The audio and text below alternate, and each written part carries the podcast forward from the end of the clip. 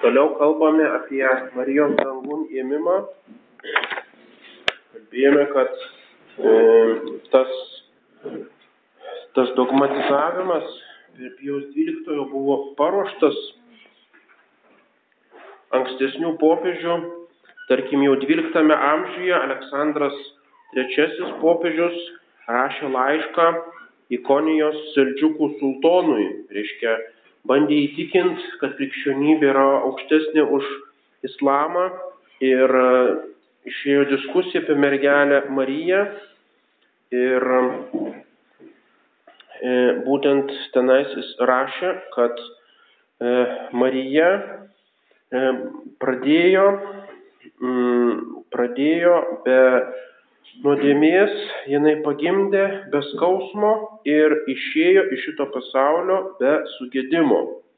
Reiškia, jis jau tada patvirtina tikėjimą 12 amžius, kad būtent mergelė Marija išėjo iš šito pasaulio e, nepatyrusi kūno sugėdimo.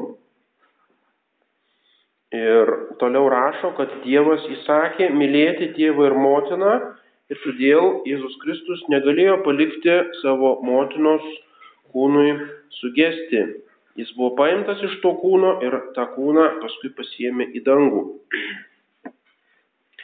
XIX amžiuje, XIX amžiaus viduryje Ispanijos karalienė Izabelė II paskatinta savo nuodėmklausio Antonijo Marija Claret, kuris buvo šventasis e, Jėzaus širdies garbintojas ir didis marinis šventasis, parašė peticiją popiežiui Pijui IX prašydama dogmatizavimo. Taigi netgi monarchai jau tada įsitraukė į tą peticijų judėjimą ir štai Vatikano pirmajame susirinkime e, buvo pateikta 204 peticijos dalyvių to susirinkimo, prašant dogmatizuoti, bet tada kilo karas, tas susirinkimas nebuvo užbaigtas ir todėl prie to klausimo nebuvo prieita. Ir vėliau Leonas XIII surinko visas tas peticijas, sudarė tokį ištisą rinkinį. Ir mm, po pirmo pasaulinio karo tas judėjimas vėl buvo atnaujintas ir mm, štai išėjo iki 41 metų 113 kardinolų pasirašė tą peticiją, 2500 viskupų, 32 tūkstančiai kunigų 50 tūkstančių vienuolių, 8 milijonai tikinčiųjų, kurie atstovauja 73 procentus pasaulio diecezijų. Taigi, pirmą ir vienintelį kartą bažnyčios istorijoje buvo statistiškai, galima sakyti, įrodyta, kad egzistuoja pasaulyje pasklidusių viskupų sutartinis magisterium ordinarium arba e, paprastasis mokymas. Tai yra toks tikrai unikalus dalykas, kadangi, kaip moko pirmasis Vatikano susirinkimas, jeigu visi pasaulio viskupai išsibarstę pasaulyje kažko tai moko sutartinai, tai tada tai yra neklystamas mokymas. Lygiai taip pat kaip popiežius dogmatizuotų. Tačiau čia iškyla problema, o kaip tu patikrinsi, ar iš tikrųjų visi pasaulio viskupai taip moko. Kadangi viskupai susirenka tik tai į susirinkimą. O čia kalbama apie išsibarščiusius pasaulio vyskupus, kad jie moko visi vienodai. Ir štai šitas peticijų judėjimas dėl Marijos dangun ėmimo, jis pirmą kartą bažnyčios istorijoje ir galbūt vienintelį kartą būtent įrodė, kad iš tikrųjų e, visi pasaulio viskupai aiškiai šitam atstovauja ir tiki į Marijos dangun paėmimą. Ir tai yra tas būtent e, nuolatinis visų pasaulio viskupų išsibarščiusių mokymas ir todėl galima sakyti, kad Marijos dangun ėmimas jau buvo neklaidinga dogma iki to dogmatizavimo. Buvo neklaidinga tiesa dėka šito visuotinio bažnyčių e, mokymo. Ir netgi 75 procentai rytų katalikų diecezijų, tai reiškia ir vakarų ir vakarų bažnyčia, ir rytų bažnyčia vieningai prašė patvirtinti popiežiaus šitą dogmą. Tai yra toks tikrai buvo nepaprastas įvykis šitas e, Marijos dangun ėmimo pasiruošimas tam dogmatizavimui. Taigi šitas rinkinys buvo išleistas 1942 metais, surinkta tie du tomai, daugybė tų peticijų ir tada 1946 metais popiežius Pys XII dar prašo viskupų nuomonių atskirai ir paskui 50 metais galiausiai ta apaštalinė konstitucija munificentissimus dėjus dogmatizavimas. Tai buvo tikrai toks nepaprastai įspūdingas, iškilmingas procesas ėjęs iki šitos dogmos.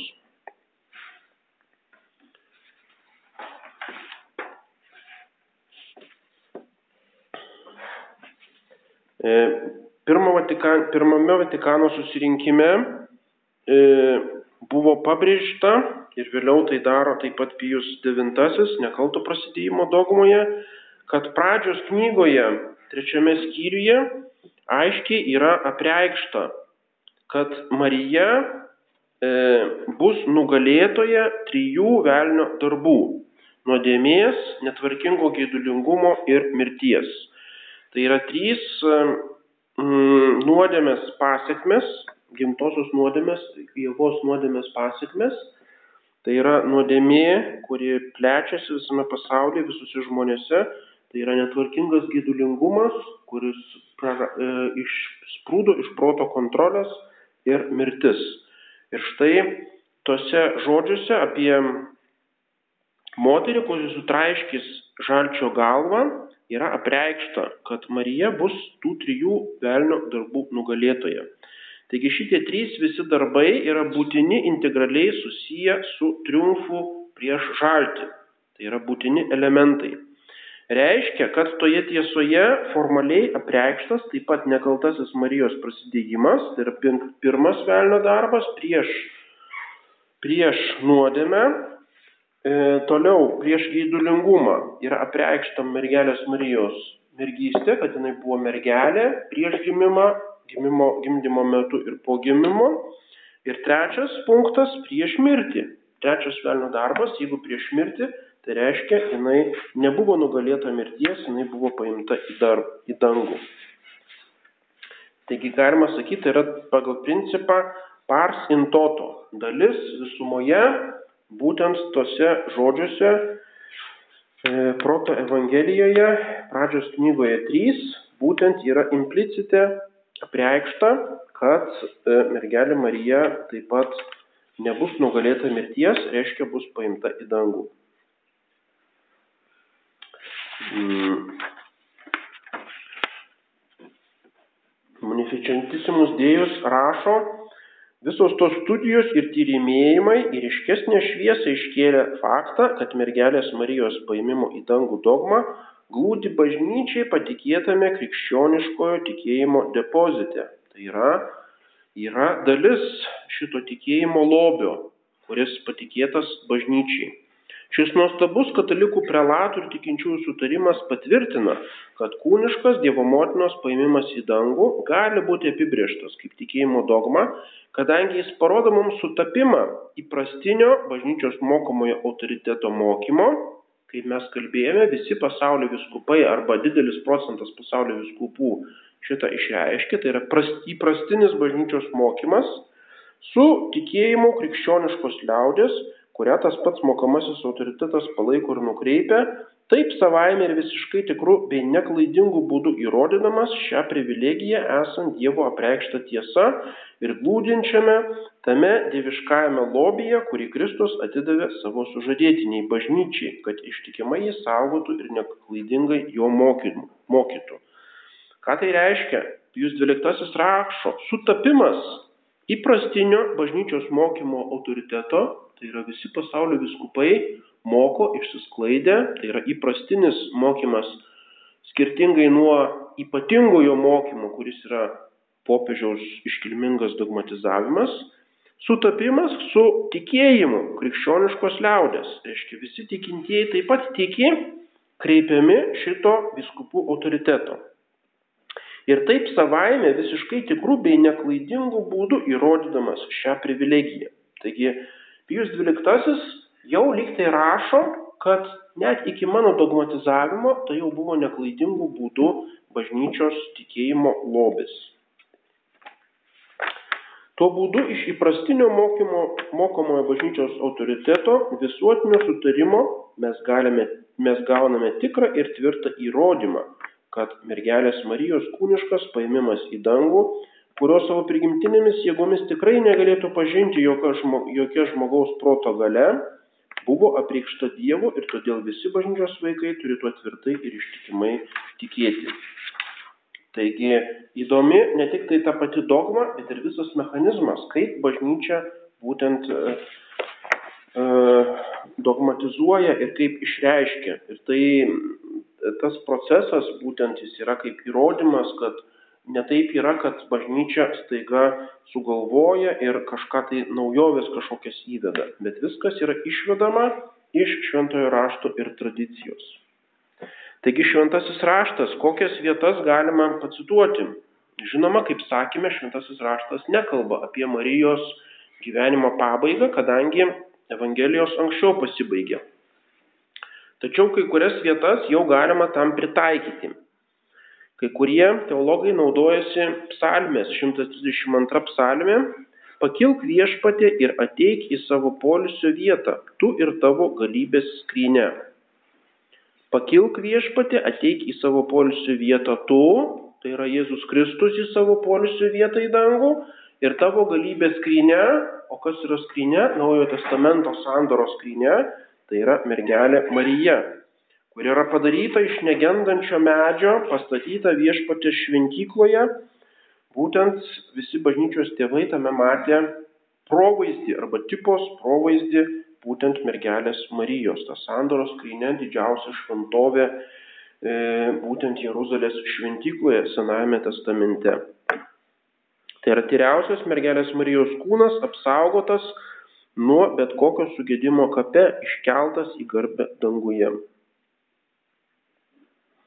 Kitose psalmėse kalbama apie karalienę pergalingai įeinančią į karališkus dangaus rūmus, sėdinčią dieviškojo atpirkėjo dešinėje, tarkim, 45 psalmė. Ta karalienė tai yra e, ir bažnyčia, ir kartu mergelė Marija. Giesmių giesmės sužadėtinė, kuri ateina iš dykumos tarsi dūmų stulpas, persmelktas miros, milkalų ir visų kvepinčio pirklio miltelių, tam, kad būtų karūnuota. E, toliau apreiškimo knyga apreiškimo knyga Saulė apsisiautusi moteris, kurią paštalas Jonas regėjo. Ta moteris danguje būtent e, ji yra paimta iš šitos žemės kaip dangaus karalienė.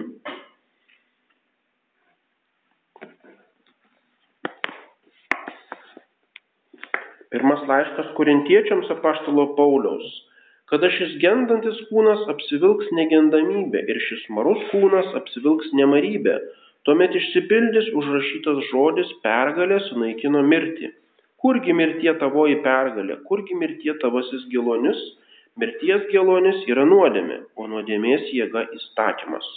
Taigi mirties gilonis yra nuodėmė, jeigu mergelė Marija yra nugalėtoja šito gelonies, tai yra to žalčio jo nuodėmės, tai tam, tuo, tamet jai tenka ir šitie žodžiai, kada šis gendantis kūnas apsivilks negendamybę ir šis marus kūnas apsivilks nemarybę. Reiškia, mergelė Marija negalėtų būti tobula žalčio velnio nugalėtoja, jeigu jos kūnas nebūtų apsivilkęs negendamybę. Toliau tai mums primena Mato Evangelijos 27 skyrius apie Kristaus kančios istorija atsivėrė kapų rūsiai ir daug užmigusių šventųjų kūnų prisikėlė iš numirusių. Išėję iš kapų po Jėzaus prisikėlimo, jie atėjo į šventąjį miestą ir daug kam pasirodė. Tokie, tokie paslaptingi žodžiai, dėl kurių buvo daug diskutuojama, kaip tenais buvo su tais šventųjų kūnų prisikėlimais. E, aišku, kad Jėzaus siela po mirties nužengė į pragarus, vadinamas limbus patrum, tai yra tėvų limbas, tai yra vieta, kur Senojo testamento teisėjai buvo ir išvadavo iš ten Senojo testamento teisiųjų vėlės. Tačiau neaišku, kur jos buvo po to. Ir po, Jėgo, po Jėzaus prisikėlimo jos patyrė tokį lyg iš ankstinį prisikėlimą.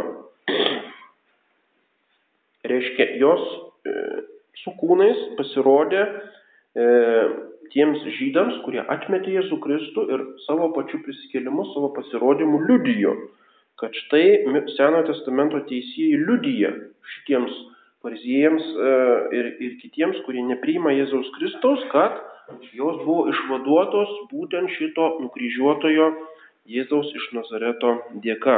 Tai buvo mm, toksai paliudijimas stebuklingų būdų. Tai reiškia, jeigu jau Senojo testamento teisėjai buvo prikelti ir e, ypatingų būdų e, prikelti iki, paskut, iki pasaulio teismo dienos, tai juo labiau mergelė Marija, kuri buvo Jėzaus Kristaus motina. Jai taip pat nereikia laukti pasaulio pabaigos iki visuotinio mirusiųjų prisikėlimo. Vyskupas Kviriackas šitą komentuoja, kad tie teisėjai buvo prikelti su pašlovintais kūnais kaip Kristus ir vėliau nemirė. Žmonėms pasirodė, tikriausiai neseniai numirė teisėjai, kad gyvėjai galėtų juos pažinti ir suvokti tą stebuklą. Tai reiškia, ne bet kokie prisikėlė, o tie, kuriuos dar pažinojo tie žmonės, kurie atmetė Jėzų Kristų. Ir šventasis Ambraziejus, Jeronimas, kiti bažnyčios tėvai rašo, kad jie buvo paimti į dangų kartu su Jėzumi Kristumi. Taigi Jėzaus Kristus ne vienas buvo įžengė į dangų, bet kartu su tais Senojo testamento teisėjaisiais.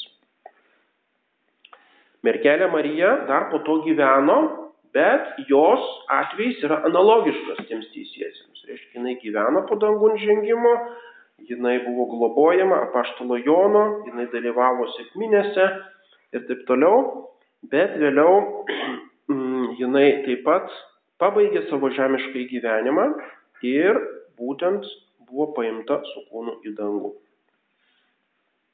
Tai buvo šventasis raštas, toliau yra bažnyčios tradicija Ir taip kaip Pijus IX Inefabilis dėjus apie nekaltai prasidėjimą, jis pirmiausia pradeda nuo liturgijos. Iškia, liturgija, Dievo kultas yra kaip svarbiausias tos tradicijos liudytojas. Taip lygiai ir Pijus XII pirmiausia remiasi liturgija, o tik tai paskui bažnyčios tėvai, tėvais.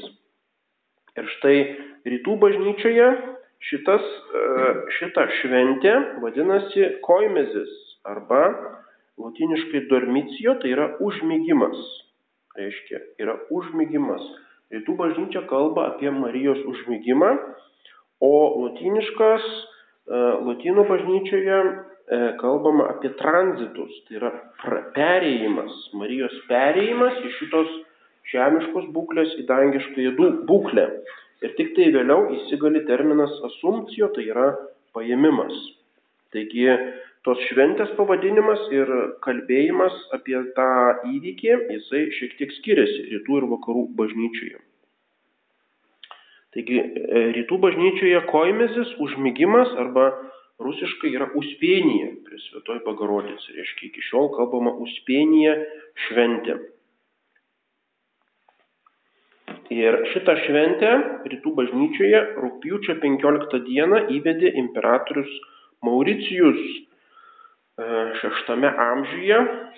Mm, tai yra šiek tiek keistoka, kad reiškia būtent imperatorius imasi tokios iniciatyvos ir kai kurie teologai abejoja, bet būtent jau nuo 6-7 amžiaus jau šita šventė aiškiai matoma. Mm, rytų liturgijoje mergelės Marijos kūniškas paimimas į dangų dažnai siejamas ne tik su Dievo motinos kilnumu, bet ir su kitomis privilegijomis, ypač su jos motinystė, suteikta ypatingų Dievo apvaizdos sprendimu. Vienoje maldoje sakoma, Dievas visatos karalius suteikė tau prigimti pranokstančių malonių. Taip kaip išlaikė tave mergelė tau gimdant, taip jis išlaikė tavo kūną nesugedusi kape ir išaukštino jį savo dieviškojų jo pernešimo iš kapo aktu tokios e, iškilmingos maldos rytų liturgijoje būtent pripažįsta tą ėmimą į dangų. Taigi jau nuo šeštojo ir ypač septintojo amžiaus, e, jau septintame amžiuje šita šventė yra Romoje, Romos mieste ir iš Romos vėliau pasklido po visą vakarų bažnyčią. Seniausias išlikęs aprašymas tos e, užmėgimo šventės yra pamokslas, kurį pasakė priskiriamas Jeruzalės patriarchui Modestui 7 amžiuje. E, toks iškilmingas pamokslas tai yra vienas iš seniausių tokių pašlovinimų šitos šventės. Popiežius Sergijus I būtent vakaruose įvedė dangun ėmimo šventę rūpjūčio 15 dieną.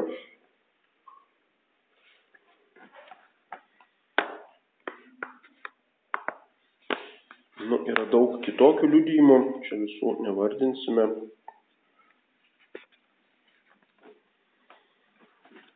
Šventasis popiežius Leonas IV IX amžiuje rūpinosi, kad šventė, kuri jau buvo švenčiama, vadinant ją palaimintosios Dievo motinos ėmimu į dangų, būtų švenčiama dar iškilmingiau, įsakydamas laikytis vigilijos dieną prieš ją ir nurodydamas maldas, kurias reikia kalbėti per visą oktavą. Taigi jau devintame amžiuje ta šventė turėjo vigiliją, tai yra tik tai pačios didžiausios iškilmės turi e, išvakarės arba vigiliją ir netgi oktavą.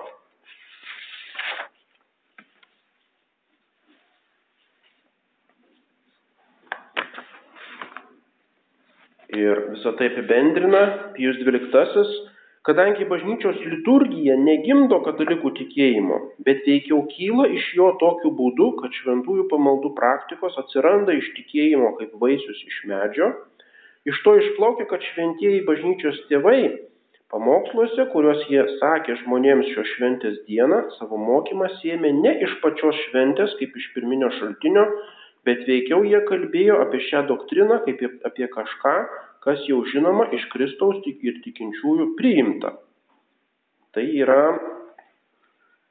e, patikslinimas Pijaus XII, kuris būtent pabrėžė prieš to meto liturginio judėjimo kai kurios atstovus, kurie būtent bandė taip pavaizduoti, kad reiškia liaudyje atsiranda toks spontaniškai kažkoks tai garbinimas, kultas, pamaldumas, tada, reiškia, įvedama šventė, toksai garbinimas ir tada tai, kas liturgiškai garbinama, tai tuo žmonės pradeda tikėti. Reiškia, tai yra grinai modernistinis principas, kad tikėjimas kyla iš pamaldumo, iš vidaus, vidinių kažkokių jausmų, kurie išreiškimi gražioje šventėje, liturgijoje. Na nu ir paskui jau jeigu švenčiam šitą gražią liturgiją, tai reiškia tuo ir tikim. Ir Pijus XII sako, nieko panašaus yra visiškai atvirkščiai Pirmiau yra tikėjimas, realybė, kas yra iš tikrųjų e, dvasinė realybė, o tik tai paskui iš to tikėjimo gimsta šventė, kuri savo ruoštų tampa liudijimu to tikėjimo. Ir todėl liturgija yra tradicijos dokumentas, reiškia, kad jau tuo metu ir dar anksčiau buvo tikima šitų. Reiškia, ne pati liturgija ir ne pats pamaldumas įveda dogmą, bet dogma e, tampa pagrindu pamaldumui. Okay